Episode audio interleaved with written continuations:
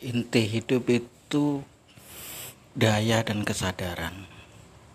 Tujuan hidup sendiri mengembalikan kesadaran pada dayanya itu sendiri.